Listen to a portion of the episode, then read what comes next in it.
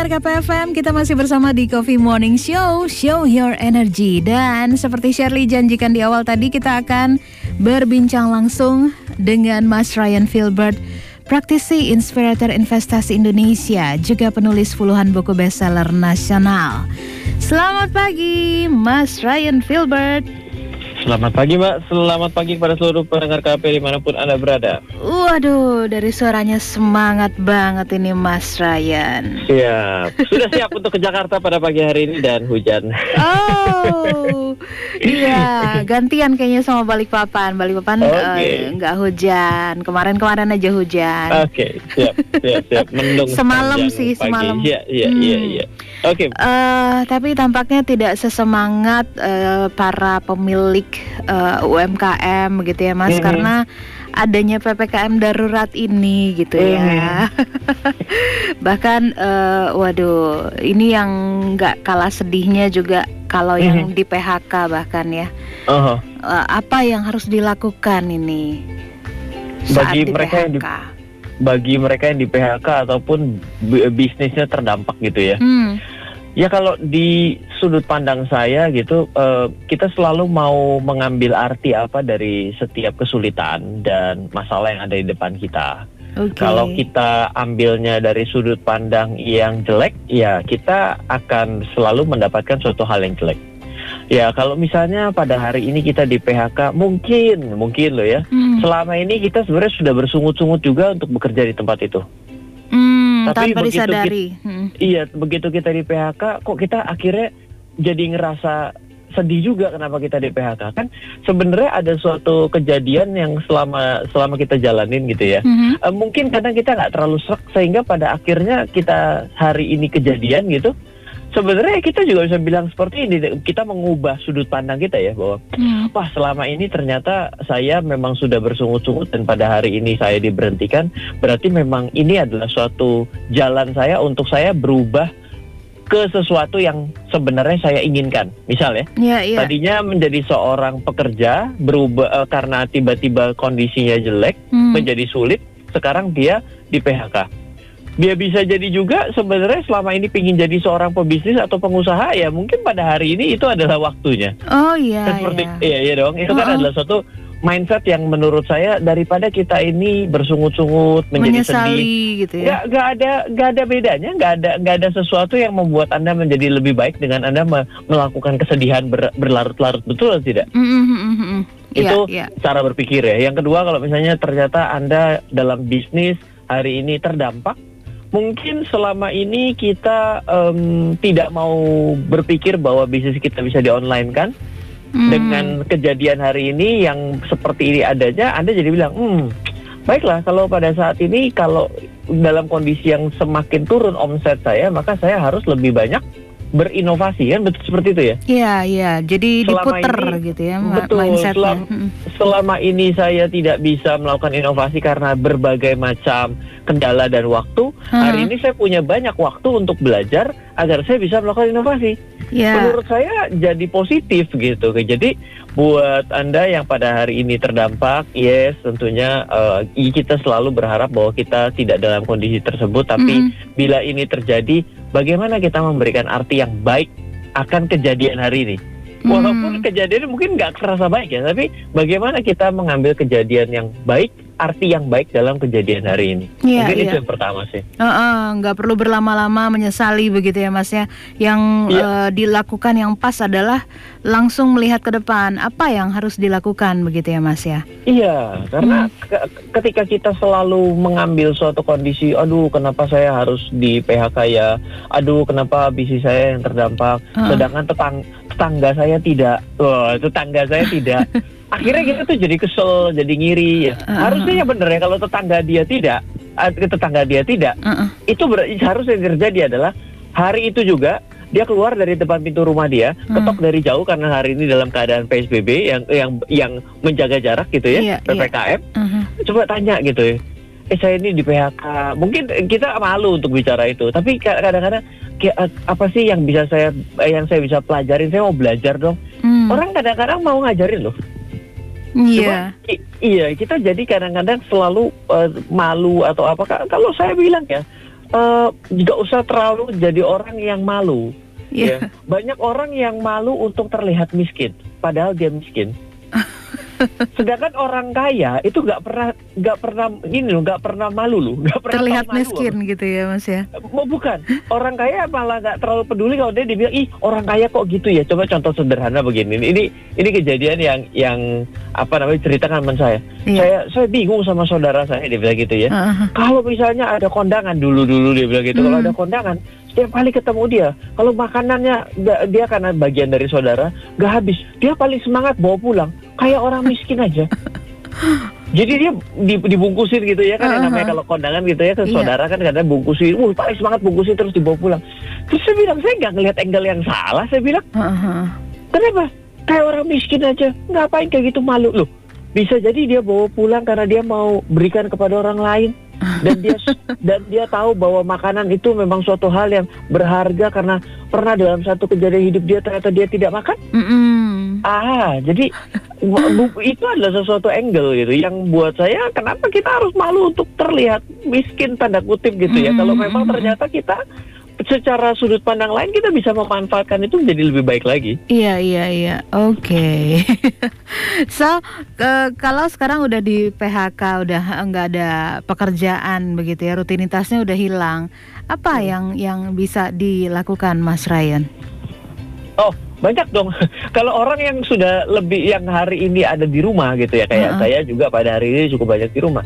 Sebenarnya kita bisa menceklis sebenarnya apa impian kita, apa dream kita, apa sesuatu yang selama ini kita waktu mau jalankan, aduh sayang saya tidak punya waktu. Hmm, Aduh sayang saya tidak punya waktu pada saat itu sehingga saya tidak bisa menjalankan. sibuk Ada kerja. nih, ad- Mm-mm. Ada suatu suatu hal yang ingin kita lakukan dalam hidup kita sebelum daripada hari ini.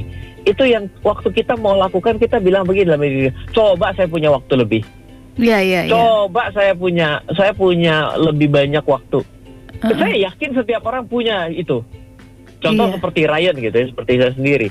Saya bilang, aduh saya pingin sekali untuk nulis buku untuk yang ini, ini, ini, ini, ini, ini. Terus, dan benar dalam keadaan slow down dan saya dipaksa untuk ada di rumah. Hmm, Waktu itu saya bilang, coba saya ada waktu. Hari ini nggak ada alasan untuk coba saya ada waktu, saya ada waktu. banyak saya mau malah. iya, saya mau, mau- saya ada ada janji dalam diri saya untuk menulis buku A, B, dan C. Oke. Benar saya sudah tulis hari ini, sudah saya tiga lumayan. Hmm, Sudah saya tiga dari yang waktu itu saya katakan tidak ada waktu. Ada waktu hari ini. Iya. Buktikan bahwa ada waktu hari ini. Anda mampu mau melakukan, silakan Anda lakukan. Jadi banyak hal yang bisa kita lakukan. Misal juga pada hari ini, hmm, selama ini Anda ingin menjadi seorang pengusaha. Misal, hmm, berpikir hmm, bahwa tetangga Anda pengusaha yang sukses. hmm, Anda hmm, pekerja, Anda merasa bahwa Anda kok tidak bisa hebat karena saya bukannya pe- pengusaha. Lakukan, buktikan bahwa menjadi pengusaha adalah suatu hal yang bisa membuat sukses. Apakah Mhm. semudah itu? Jawabannya tidak. Tapi kalau hari ini berusaha itu mostly bisa dimulai dengan kondisi yang amat minim. Contohnya, Anda di rumah menjadi pengusaha online, dagang online. hmm. Dagang online itu kalau di marketplace itu kan tidak sebegitu sulitnya ya. Ya. Anda register, buka toko, Eh, eh, tapi ketika nanti Anda buka toko, Anda begitu pajang barang-barang, Anda akan mendatangkan masalah kedua. Loh kok toko saya nggak ada yang beli-beli ya? udah stok ada barang padahal. Misalnya dia belum stok barang deh, dia Hmm. dia coba untuk masarin suatu barang tetangganya gitu ya. Iya iya. Kok toko saya nggak bisa beli, nggak ada yang beli ya? Hmm, Oh, ternyata yang namanya marketplace pun ada strateginya agar bisa untung, agar bisa laku. Hmm. Misalnya mencari kata kunci populer, cari barang favorit, ada cara membuat harganya menjadi terlihat lebih murah. Hmm. Ada bagaimana cara foto barangnya agar terasa lebih menarik. Iya. Ada know-how yang sebegitu jauh, tapi kalau kita bicarakan yang paling awalnya adalah terasa sangat mudah, yaitu apa? Membuka rekening, membuka akun agar kita bisa melakukan transaksi. Nah, Hmm. sama juga misalnya berpikir oh teman saya itu bisa suksesnya trading saham misal kan Hmm, ada hmm, juga hmm. dong pasti Iya. ada temennya yang eh, bisnis online begitu maju menjadi pengusaha maju selama ini dia berpikir hari ini diberikan kesempatan ya go ahead try kalau Oh. menjadi pedagang saham bagaimana oh ya gampang juga jawabannya ya dengan cara ya membuka rekening saham ya kan setorkan seminim-minimnya uang sesuai dengan setoran minimum ya minimum mungkin 100 ribu ya Hmm. gampang itu sudah terja- udah bisa sudah bisa mulai tapi perkara selanjutnya adalah ya dari sekian banyak saham yang ada, saya mesti pilih yang mana dan kenapa saya beli yang kenapa saya pilih untuk saya beli pada saat ini kan. Jadi Mm-mm. sebenarnya baik kita buka toko online di marketplace pada hari ini Ya. dan misalnya Anda mau melakukan yang namanya trading online, misalnya trading saham, Mm-mm. di awal itu semua terasa gampang. Tapi untuk menjadi untung, untuk menjadi laku kalau di marketplace adalah perkara yang berbeda. Pasti ada next step know-how-nya seperti itu. Hmm, oke. Bagi eh, mereka yang di PHK atau tidak ada pekerjaan saat ini, eh, saham itu apakah nggak sulit, Mas? Pemula, katakanlah yang nggak pernah tahu pasar modal seperti apa gitu. Em, pasti akan menjadi sulit kalau eh, cu- bukan cuma hanya membuka akun. Biasanya kan pemahaman orang membuka akun aja sulit. Itu bisa kita patahkan itu tidak. Tapi segala sesuatu ketika mau kita seriusin sebenarnya nggak ada yang gampang-gampang banget kok. Nah, Hmm. coba sekarang, ayo Mbak eh, Sherry, kalau jadi penyiar gampang nggak? Orang kelihatan gampang ngomong, wah pokoknya enteng lah jadi penyiar, mah cuma tinggal ngomong, greeting, selamat pagi kepada para pendengar di mana pun anda berada, apa kabarnya pada hari ini? Yes, udah berapa tahun? hari pertama sih denyut jantung mau pindah ke kepala juga Iya, gitu ya. iya, iya, betul. Nggak ada yang gampang ya, Mas ya. Betul. Ketika bicara eh, cuma bisnis cuma ngomong kok, emang susah. Susah. Kenapa? Bisa jadi kita tidak menguasai materinya. Kita mungkin pada saat itu sedang rada serak, terus tapi tetap harus siaran. Itu know-how. Iya, iya, iya. Bagaimana kita mengatasi itu? Semua profesi pada akhirnya ketika kita mau seriusin Heeh. menjadi next step-nya, pasti akan ada suatu hal yang khusus, treatment khusus yang akan susah. Jadi Tapi- tantangan gitu ya. Betul, tapi apakah ketika Anda mendapati suatu tantangan, Anda Hmm. akan menjadi takut atau Anda akan menjadi tambah tertantang, Iya, mau iya. untuk lebih melanjutkan? Jadi, apakah menjadi nggak sulit? Iya, kalau kita pikirin pasti akan sulit. Hmm. Emang ada suatu profesi yang kelihatannya begitu gampang Mm-mm. eh, di awal. Ya misalnya sesuatu yang Anda duduk di rumah saja tapi dapat duit. Lu ya enak toh. Lu saya semua hari ini kan kayak gitu kan. Iya. Tapi apakah segampang itu? Enggak, enggak, enggak juga gitu. Ada teman Hmm. saya yang yang bisnisnya itu musiman. Tapi dia dari luar di luar negeri gitu ya. Dia eh, karena memang di luar negeri itu kan sudah kirim barang itu kan free shipping ke mana-mana gitu ya. Mm-mm. Seperti dari China itu kan ke mana-mana free shipping. Iya. Itu dia jualan itu kata kuncinya yang dia pakai adalah jualan online, tapi dia jualannya di eh, benua yang berbeda. Jadi dia jualannya di di Amerika, di Afrika. Oh. Ya, dia jualan barang barang-barang Cina itu dia eh, jual di Eropa. Itu katanya drop itu adalah kata-kata dropshipping pada awal. Jadi kalau dropshipping di Indonesia itu kan lucu. Saya jualan sama orang Indonesia, Hmm. jualin barang orang lain tapi orang lain kirim barang. Hmm. Tapi Indonesia ke Indonesia. Kalau teman saya ini lakukan adalah lintas benua. Wow. Nah, dia pemain tren. Nah, kita rasa bahwa itu suatu hal yang sangat ah, mudah gitu ya. Aduh, kok enak banget ya, nggak pernah punya mo- modal apa-apa, tapi ngirim barang dari Cina juga nggak pernah megang barangnya. Hmm. Kalau ternyata terjadi komplain itu dia cuma email-emailan doang. Lu kok bisa sih email-emailan doang tapi dapat duit ratusan juta gimana caranya gitu kan? tapi ketika kita coba lakukan, saya ikutin itu nggak segampang itu loh. Iya, iya. Kenapa kita harus menganalisa tren pada benua tersebut yang mana kita nggak tahu benua itu lagi apa loh? Mm-mm. Lu kalau di Indonesia kan gampang ya kan sebelah rumah kita lagi apa kita segagannya tahu. Oke, kalau eh, si pemula ini mau trading saham, so apa mas yang perlu dipersiapkan? Dia Oke. pemula banget gitu, nggak tahu sebetulnya eh, apa eh, trading saham itu seperti apa gitu kan?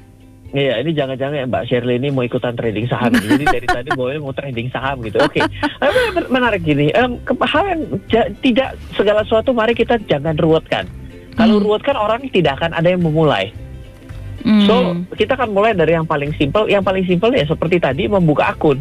Hmm. Ketika sudah membuka akun, Anda akan mendapati masalah kedua adalah ini sebenarnya bagaimana cara mengoperasikan eh, sistemnya sehingga saya bisa terjadi pembelian dan penjualan. yes, Oleh karena itu, biasanya cara paling gampang pada hari ini, karena pada hari ini tentunya semua kesulitan untuk mendapatkan klien baru, mendapatkan user baru. Ya, hari ini coba begitu Anda mau setelah membuka akun, coba telepon ke customer service kamu bisa tolong trainingan saya bagaimana sampai saya bisa membeli saham nggak dan menjual saham.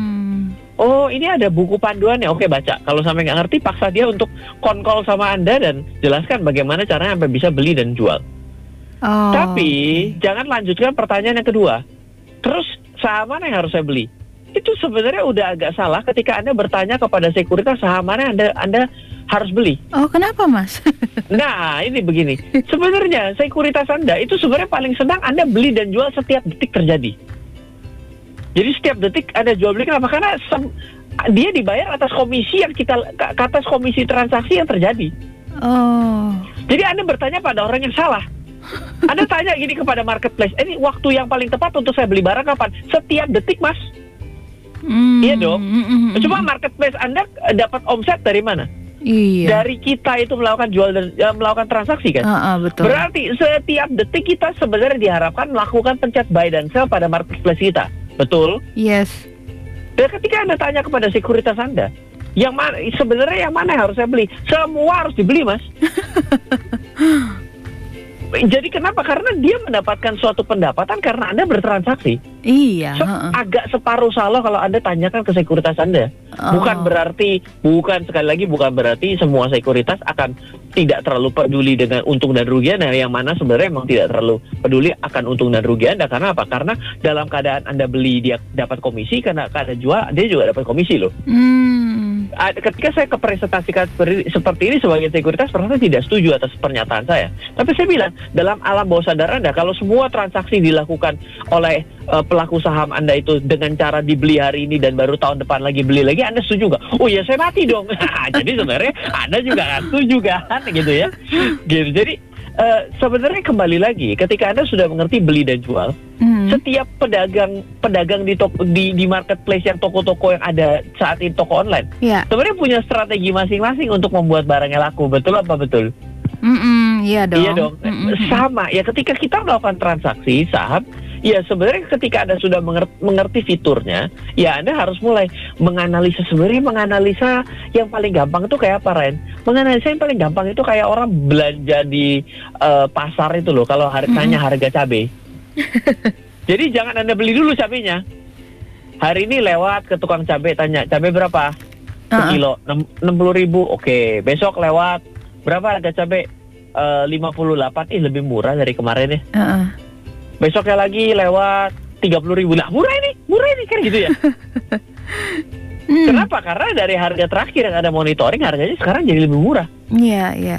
sama ketika anda mau mulai itu sebenarnya care terhadap harga tahu harga mahal tahu harga murah Nah kalau misalnya di saham karena kita bisa melihat track back ke 10 tahun yang lalu berapa harga saham itu Hmm. dan berapa harga saham ini dalam tiga bulan terakhir Ya. tidak seperti harga cabai karena anda harus tanya kan nggak bisa begini dong waktu uh, kita ketemu sama tukang dagang cabai mas cabai berapa hari ini 40 ribu saya pengen dapat grafik harga cabai selama tiga bulan terakhir kamu jualan di berapa coba keluarkan dong saya bilang ini orang panas dingin stres kali karena kagak lagi di, karena lagi nggak ada kerja. Anda menanyain harga cabai, grafik harga cabai selama tiga bulan terakhir. Orang nanya ke Biro Pusat Statistik juga itu harga nasional. Dia nggak nanya harga saya gitu ya. Ah, ah, ah, ah.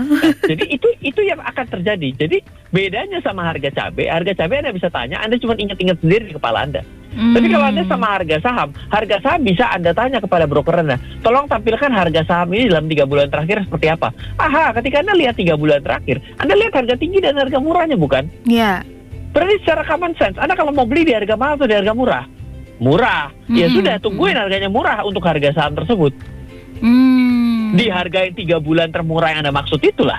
Iya, iya, iya. Loh Pak, kalau saya ternyata tidak nyampe harga termurah itu bagaimana? Apa keputusan yang dilakukan? Loh sekarang saya tanya balik, kalau harga cabai tidak menuju harga yang paling murah dari yang Anda pernah tahu, apakah Anda tidak beli cabai? Iya, iya. Pokoknya yang termurah lah. eh, iya Pak, tapi ada suatu penilaian termurah tertentu tuh. Misalnya udah dua minggu harganya di 30 ribu nih. Iya. Ya, murah. Ah, ah.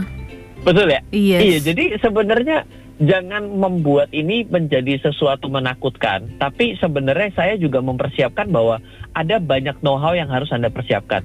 Mm, Tapi mm, mm. bukan artinya juga Anda tidak memulai-memulai. gitu loh. Ada banyak stigma pemikiran yang salah ketika Anda berbicara mengenai saham gitu. Hmm. Karena bicara saham dia berpikir Anda harus jago matematik. Loh, sebenarnya kan saham itu sama seperti harga cabai naik dan turun doang. iya kan? Iya, iya, Nggak, iya. nggak berbeda karena kita bicara harganya. Kalau Oh. bicara oh Pak, tapi kalau saham itu beda loh Pak. Saham itu ada saham-saham yang perusahaannya itu ah tiba-tiba jadi saham adalah membeli perusahaan. Kalau membeli saham membeli perusahaan itu investasi. Bapak, Ibu. Hmm. Investasi itu baru care bahwa cabai itu ada yang cabai keriting, ada cabai lombok, ada cabai rawit, ada cabai apa. Setiap peruntukannya akan beda-beda. Iya. Ada cabai yang warnanya merah kayak luar biasa, tapi kalau dimakan nggak pedes. Heeh. Kenapa tetap dibeli orang? Oh karena oh, jadi bagus secara plating, jadi ditaruh di tempat kelihatannya, uh kayaknya orang nafsu untuk makan gitu. Begitu Cabai- dimakan nggak pedes. Cabainya campur emas. iya. Jadi ini beda-beda peruntukan masing-masing itu bicara dengan suatu hal yang lebih Hmm. eh, fundamental, Mm-mm. hal yang lebih non teknis karena anda bukan berbicara care lagi terhadap harganya, karena anda care terhadap fungsinya kan. Iya iya iya. Iya dong, cabai Uh-uh. rawit sama cabai rawit buat makan gorengan itu. ya kan kalau cabai lombok ya kan beda lagi peruntukannya ya kan. Ya Uh-uh. kira-kira begitu. Oke, berarti di awal sebagai pemula kalau pengen trading saham eh, analisa sendiri gitu ya Mas ya. Itu tadi membandingkan dari beberapa harga saham yang ada seperti itu ya Mas. Iya, kalau memang kita bicara harus analisa sendiri seorang pemula kok Mm-mm. kayaknya juga sepertinya eh, menginginkan dia belajar berenang tanpa pelatih dan dilempar ke kolam gitu ya. Ya, sebenarnya yang harus Anda miliki sebenarnya cobalah mulai lebih banyak membaca. Oke. Kalau syukur lumayan jago bahasa Inggris, banyak buku-buku bahasa Inggris yang mengenai saham yang bisa memberikan Anda suatu gambaran. Hmm. Kalau Anda mulai ngerasa begitu baca ngerasa kesusahan, cari buku yang lain. Cari sampai yang buku sampai yang Anda bisa ngerti isinya. Hmm. Gitu loh. Dan jangan pernah membaca buku-buku non fiksi ya, apalagi yang sifatnya edukasi, itu cuma sekali baca. Oke. Itu seperti Anda nonton eh, nonton film Mhm. itu cuma satu kali, di mana filmnya mikir. Kalau filmnya mikir Anda tonton sekali itu banyak yang lewat loh. Coba Anda Hmm. nonton film yang sama dan agak susah untuk dicerna, Anda coba tonton dua kali. Begitu tonton kedua bilang, kayaknya saya nggak pernah lihat adegan ini di tontonan Iya, saya iya. pertama. ini baru dimasukin ya. Ini baru di-insert ya. Untuk adegan ini, oh kagak itu dari dulu orang jumlah durasinya sama, benar kan? Karena udah berulang, jadinya eh, ada yang baru gitu ya. Padahal enggak ya. Betul. Padahal enggak. Kenapa? Karena memang tidak mudah untuk memahami yang disajikan oleh si pembuat. Hmm. Ya kalau misalnya mau cari-cari buku bahasa Indonesia lo, Ryan Filbert lo 18 judul buku, silakan waktu dan tempat untuk pergi ke, ke toko Wow. buku. Bisa lihat Dengar-dengar buka kelas eh, trading saham juga ya Mas ya? Eh, yes, kalau untuk kelas saham itu kita karena saham itu adalah sesuatu yang populer gitu ya. Mhm. Jadi setiap bulan itu tim saya membuat kelas untuk trading dan investasi saham. Hmm. Ada juga kelas untuk uh, asset planning. Kalau ini tidak berbicara mengenai saham, tapi bagaimana caranya kita bisa mengoptimalkan kita punya aset gitu ya. Karena Mhm. sama seperti kita itu mobil, sebenarnya mobil itu adalah setelan yang lebih optimal loh. Oh. Jadi contohnya kalau ada orang yang ingin untuk dia lebih kencang, mobil kita itu sebenarnya bisa disetting untuk menjadi lebih kencang. Iya iya. Meskipun bukan artinya untuk balap ya, atau Mm-mm. juga bagaimana caranya mobil ini menjadi lebih efisien. Itu ada setelannya. Loh, Mm-mm. kenapa tidak dikasih dari awal oleh si pembuatnya? Nah, ini pertanyaan yang menarik karena pabrik itu tidak bisa men- menyetel sesuai dengan keinginan masing-masing usernya sehingga dia mengambil sesuatu yang rata-rata Iya. gitu. Hmm. Karena apa? Karena dia kan sifatnya adalah mass production. Sehingga ketika mass production itu kan berarti setelannya adalah setelan yang menurut pabrik kan. Iya iya. Ya, meskipun ketika Anda pakai dengan baik, Anda mengerti dengan baik yang di- yang dimaksud oleh si pabrik, Anda bisa juga. Mm-mm. Tapi ada sesuatu sama dengan aset yang kita miliki, ada mesin mobil yang kita miliki. Kadang-kadang seiring dengan waktu kita menginginkan suatu tanda kutip modifikasi yang sederhana sehingga ini menjadi lebih optimal mesinnya. Hmm. Aset kan seperti mesin dong. Iya Mas. Karena kan aset itu menghasilkan uang ke kantong kita kan. Betul. Ada ada setelannya yang lebih optimal yang sebenarnya bisa kita atur-atur dari sekian banyak aset yang ada. Sebenarnya Anda bisa mengambil suatu optimal-optimal dari satu dengan yang lain, meniadakan risiko di tempat yang lain dan mengisi dengan kekosongannya dengan di tempat dengan berinvestasi di tempat yang lain juga seperti Mm, itu. mm, mm, mm. Oke Mas, kalau misalnya mau ikut kelas-kelas trading gitu gimana Mas? Ada info kah? Iya, kalau misalnya bertanya mengenai mau ikut kayak kelas-kelas gitu, uh-uh. Bapak Ibu bisa coba uh, lihat di uh, channel ataupun di Instagram saya yang terverifikasi ya centang biru karena hmm. lagi banyak sekali cloning-cloning yang bilang titik dana. Saya tidak pernah, saya ngajarin tapi tidak pernah menerima duit untuk dititip loh karena saya tidak mau melakukan itu. uh, itu eh, juga bisa menghubungi tim saya di 0852 uh-huh. 882 6187 0852 triple 6187 di mana uh, kelas-kelas kalau pada saat ini online dan kita lifetime ya artinya hmm. Anda bisa mulai hari ini recordingnya itu akses ke ke sistem kami itu Anda bisa tonton sampai laptopnya jebol karena karena kita cloud kita gunakan cloud dan seluruh dokumentasi dari kelas-kelas ini dari tahun 2017 itu kita kita berikan uh, untuk anda bisa tonton juga di eh, kelas-kelas yang lainnya kan seru ya, hmm, ya seperti itu ya. Iya, Jadi iya, never iya. ending learn, learning lah, gitu. Luar biasa. uh, Oke okay, Mas Ryan, thank you ya. Okay. Untuk yeah. informasinya pagi ini, sukses terus. Yeah, okay. Aktivitasnya okay. sehat selalu, Mas Ryan. Selamat yeah, pagi. Pagi.